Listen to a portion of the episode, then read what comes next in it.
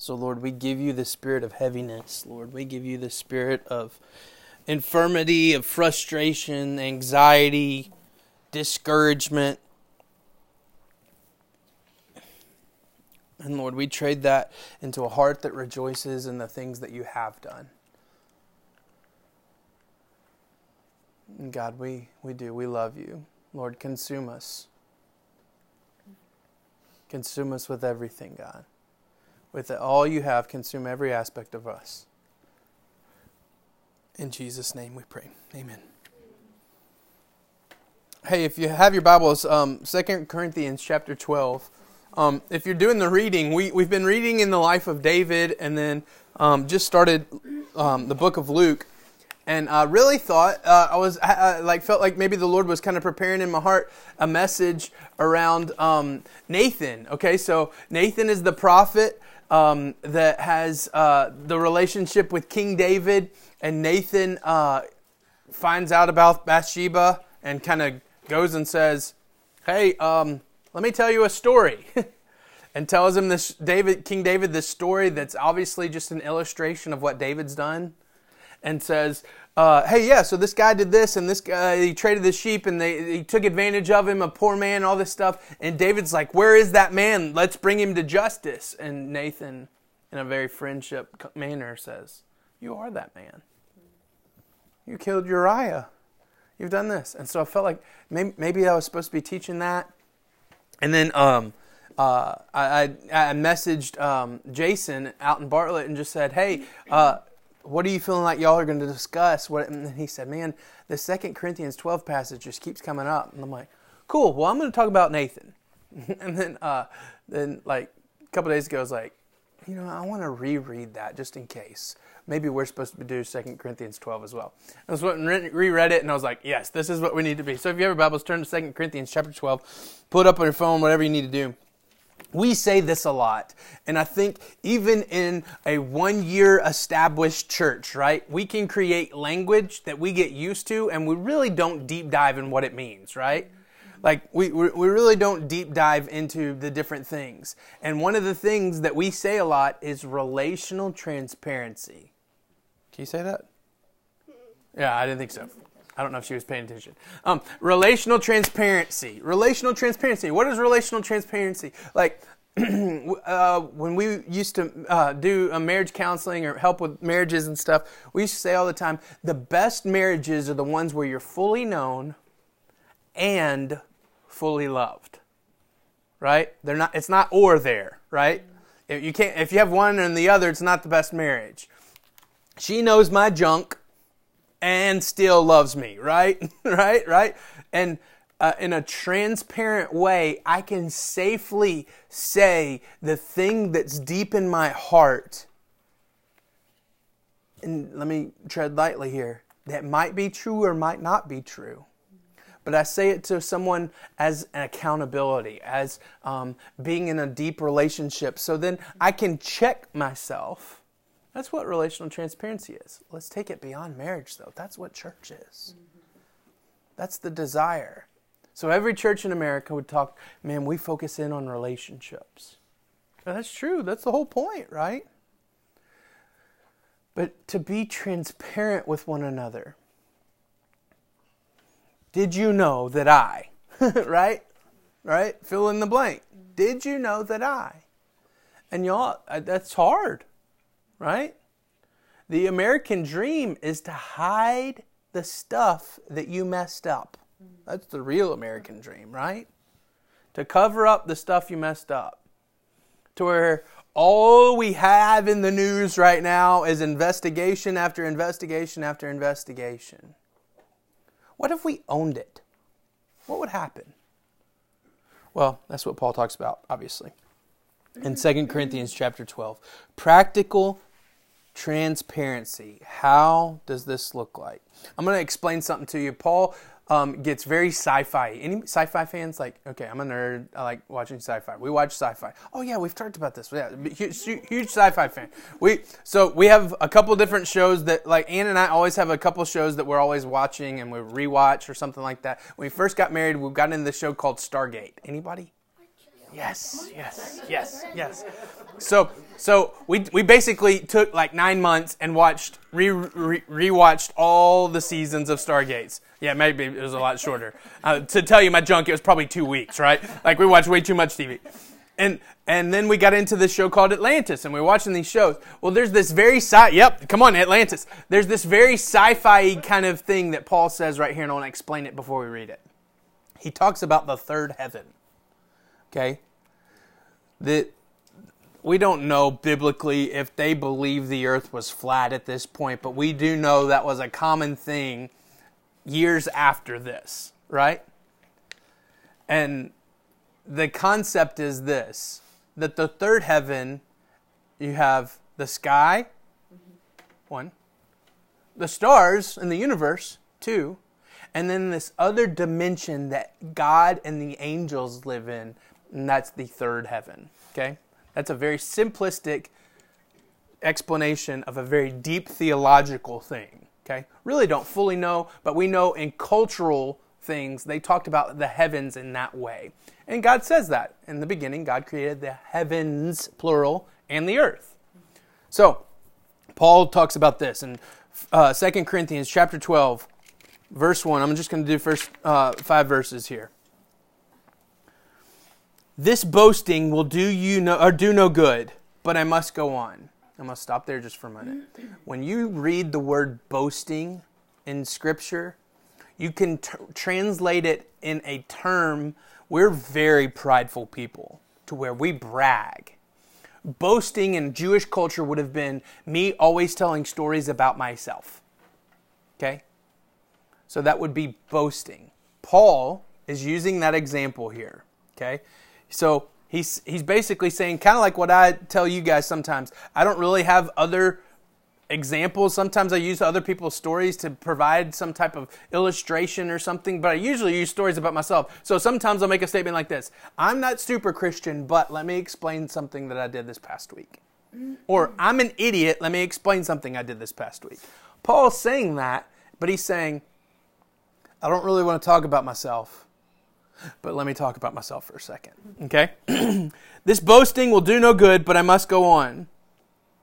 I will re- reluctantly tell about the visions and revelations of the Lord. I was caught up to the third heaven. Anybody else have a different version? Mm-hmm. Yeah. Was your I know a man, right? Right? So basically Paul says this. He says this, I don't want to talk about myself, so I know a guy. That's basically what he's saying, right? I caught up Yeah, yeah, yeah, yeah. I'm just asking for a friend, right? Right? and especially with what he's about to explain, you're going to add this crazy psychological or uh, uh, crazy uh, hypnotic kind of thing happen to me. Watch. I was caught up to the third heaven 14 years ago. He even says this whether I was in my body or out of my body, I don't know. Whether I was physically there or if it was just kind of this vision dream that God gave me. Only God knows. Verse 3. Yes, only God knows whether I was in my body or outside my body, but I do know that I was caught up in paradise, heard things so astounding they cannot be expressed in words, things no human is allowed to tell. That experience is worth boasting about, but I'm not going to do it. I will boast only about my weakness. Watch this. First point revelation from our intimate moments with the Father isn't always something that's shared with others. Revelation from our intimate moments with the Father isn't something that is always shared with others. God reveals things to us that's just for us. God reveals things to us that's to encourage us. I've, I've shared this illustration before with pastors. You've been around pastors sometimes, or even people that teach. Sometimes they they seem empty, right? Um, there, there's moments, lots of moments, usually on Sunday afternoons. Anne will say this Are you empty Ryan skin? Right? Why is that? Because there's this spiritual uh, uh, idea that I've been filled up most of the week and now I'm pouring it all out, right? But sometimes I've been around pastors where it feels like it's not set in their cup very long. as God's pouring it in, they're pouring it out. And I don't want to be that because all of a sudden I lose my intimate time. Basically, I'm just going, I'm the Pope. I'm going to God for you. No, I want to have the relationship with the Lord. I want to have the intimate moments. I want to have the inside jokes with the Father, right? He says, Is this a real or is this a dream? It's so good, he can't tell what's real and what's not. He even uses the word paradise, allowed to experience things that you can't experience with words. There's been a couple of places that I've been on the planet where I've tried to take pictures, tried to tell the story, and just don't. I quit because it doesn't work. The pictures don't do justice of the Grand Canyon. Until you stand over the edge, you can't explain that feeling. Right? Or you see something incredibly beautiful. Try to take a picture. You even get the cool portrait mode on your iPhone and try to get a great picture, and it doesn't work. And then you try to explain to something, you had to be there, you know? Paul's saying you basically had to be there. I love this. Is your relationship with God explainable? Are those intimate moments, time with the Father, can you explain it? We were talking with some guys this morning. Just reading God's Word and missing the relationship means that I'm worshiping the method, not the man or the God. Use this illustration. If I go out to, to eat with Anne and I enjoy the nice meal, enjoy paying for the nice meal, enjoy dressing up and being seen by others, but don't interact with her, what's the point of the date? There's something unexplainable between the two of us that we love one another. Uh, does God reveal unexplainable things to you? Don't use that as condemnation. No. Well, start praying that way. Watch this. The more unexplainable my times with God get, the more like Him I become.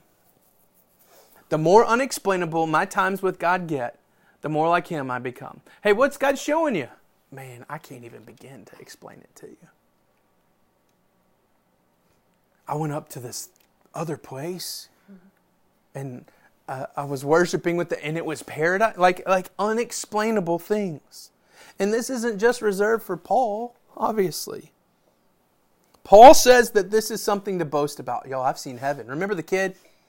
It feels like there's five or six kids that have done it.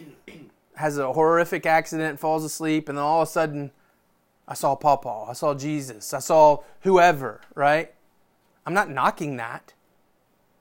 But when your platform becomes that thing versus someone else? Paul, super Christian, writer of most of the New Testament, says this isn't something to boast about. This isn't the platform that I'm running. Isn't this the top of the list kind of stuff? Y'all, I've seen heaven. Like, hey, what's his resume? Oh, that's the boy that's seen heaven, right? But he doesn't explain it like this. He just explains this concept. Wouldn't this be something to boast about? But I don't. And we all want to know more. What did it look like? What did it feel like? Was it 72 degrees or was it 85? Right? Right? Like, like I, I cranked the air down to 68 on Sunday mornings, try to get the cool in the house, and I'm loving every minute of it. They run outside because they're freezing cold. Right? well, what temperature is heaven going to be? Right? Like, like, like uh, did Adam have a belly button? You know, those, those questions, those things. The, we want to know more, Paul. And he says, this thing doesn't matter. of course, Adam was right handed, right? Of course, right? Right? Sorry. Or was he a lefty? Ella's, uh, Ella's our only lefty. Sorry. Yeah. Listen to this. Intimacy with the Father is kept between He and I. But those moments produce something in me that is to be experienced by everyone around me. So, what does this produce in Paul? Paul has this incredible moment in heaven, in paradise, things that can't be explained. And what does it produce in him? He says, I'm not going to boast about that. I'm going to boast about my weakness. Oh, what does Jeremiah say? Was it Jeremiah? I'm sorry. I just I'm just now thinking of this. It says, "Give me a coal." Or, uh, uh, I mean, give me a drop of Isaiah. Isaiah. Yeah, yeah. Like that, that concept of, oh, I'm undone. What a wretched man I am. When he realizes how the glory of the Father. Basically, Paul is saying, I've seen all that. And that would be the thing we would think we need to aspire to and talk about, but I'm going to talk about my weakness. Point two intimacy with God demands humility, and my weakness is something that must always be shared with others. Verse 6 If I wanted to boast, I would be no fool in doing so because I would be telling the truth. But I won't do it because I don't want anyone to give me credit beyond what they can see in my life or hear in my message, even though I've received such wonderful revelations from God. Listen, humility connects me with God, and humility opens a connection in my life for others to connect with Him. Evidence of someone who interacts with God is able to be seen by others. Hopefully, you experience that with me. You can know when you've been around someone who's been around with the Father, right? Someone who's touched, who's who's seen the glory, someone who's who's been in his presence on a consistent basis, someone who's experienced that that paradise concept. There's something in my spirit that resonates with them. And those people brag about those things? No. In those moments, those people are hu- humble. We can test and experience someone else's humility when they're transparent. When I'm transparent with you, I don't say it to be funny. Y'all, legitimately, I, am I'm, I'm not knocking myself or self deprecating just to connect with you. I was homeschooled. I struggled through college. I, I literally, literally, uh, this is kind of funny. I took medicine for handwriting, right? Like literally, it was trial versions of medicine for handwriting because my handwriting was so bad. If you've had a note from me, you understand, right? And and struggled to concentrate, like str- str- absolutely struggled to concentrate. So here's how I fixed it. You know how I fixed it? I don't write. I get way too intense and laser focused right? I keep going back and forth into two ditches. Why is it important for me to share that with you? Because if you think I've got it all together, because one, we meet in my home, and I'm a pastor, and the gifting that I have is something that's in front of other people, you've got it wrong. When people just preach or tell a story, it's hard to connect with them unless they share something in a transparent form. That's the reason why I'm not crazy about the YouTube, Facebook sermon clips. They're great, they encourage us. But man, you, you better have a relationship with one another. I love listening to some podcasts. I used to like listen to Stephen Furtick every Monday morning, like back in the day. I used to listen to Stephen Furtick all the time. But then I got in this thing of I don't know him. And not that I'm second guessing the man or wanting to know his financial records or any not any of that. It's more of I don't really have a relationship with him. When you have a relationship with the person you're interacting with and communicating with, it has to be transparent. Otherwise, we've just created false sense of connection.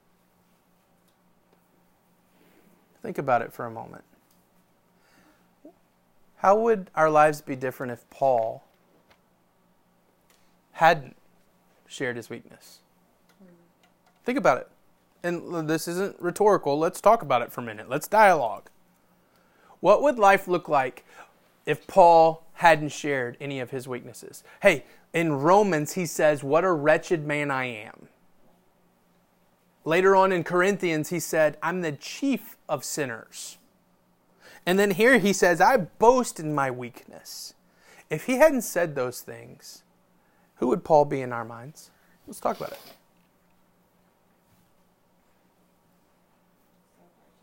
Do what?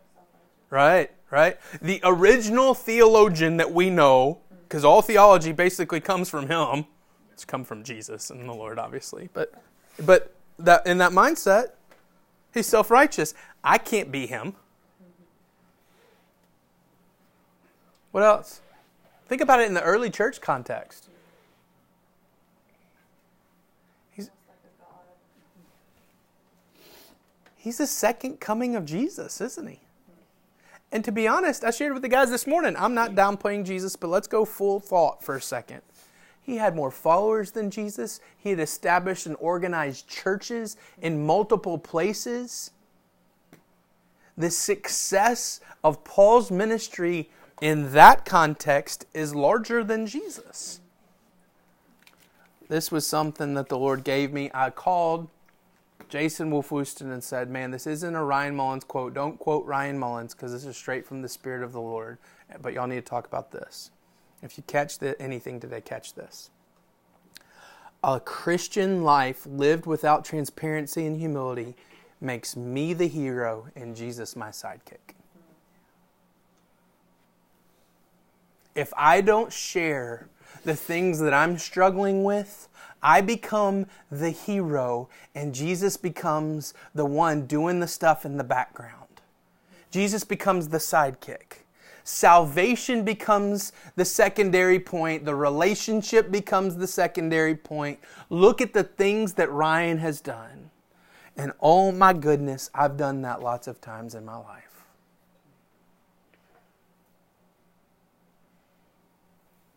If we can be family for a moment. We have to share our junk with one another. Not just to be self deprecating, but in the context of when we do, incredible power takes place. Watch. God's gifts to me are to create a dependency on Him. Verse 7, second part of verse 7. So, to keep me from being proud, I was given a thorn in my flesh, a messenger from Satan to torment me from, and keep me from be, becoming proud. Three different times I begged the Lord to take it away. Each time he said, My grace is all you need. My power works best in weakness.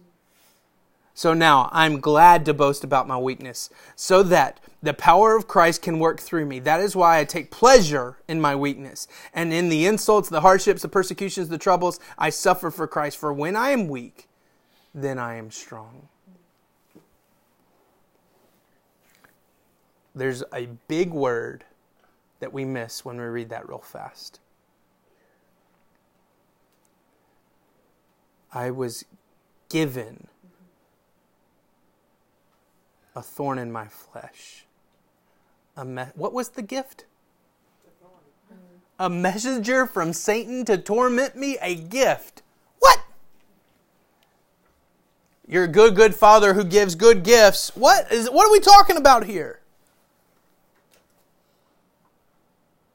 If life on earth is but a vapor and there really is an eternity, and Jesus came to suffer. And Paul writes on this suffering concept should be shared with Jesus. Paul sees this thing as a gift. Tons of books, tons of tons of conversations. You probably all would have different opinions on what's Paul's thorn in the flesh. And I think that's a way the enemy sidetracks us from seeing the point. So I don't want to spend too much time trying to figure out was it that he couldn't talk right or that he lost his family or that he was no longer connected with his former friends what like what is the thorn let's not go there but i do want to say this He says 14 years ago. 14 years ago is when all this started. We know that was the moment when he was stoned and left for dead. He almost died. I would think being hit with rocks to the point of almost death and not having the, the medical stuff that we have today, Paul probably's life is struggling from that point forward. He walks funny, talks funny, whatever it is. Life is not easy, is the thorn. Let's just say that. There's a difficulty. There's a suffering that is the thorn. So guess what? Anybody been there? Right? Like like all of us. We all have a thorn in the flesh. And we can all say it's been given by the Father, but let's say it in this context.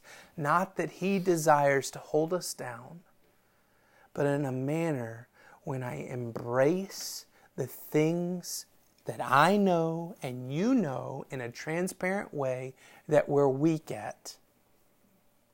When I embrace those things, a unique power comes.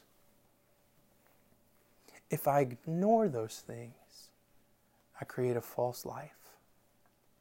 I'm going to use something funny, but we know these things we're talking about are a lot more intense than this. My wife can cook anything.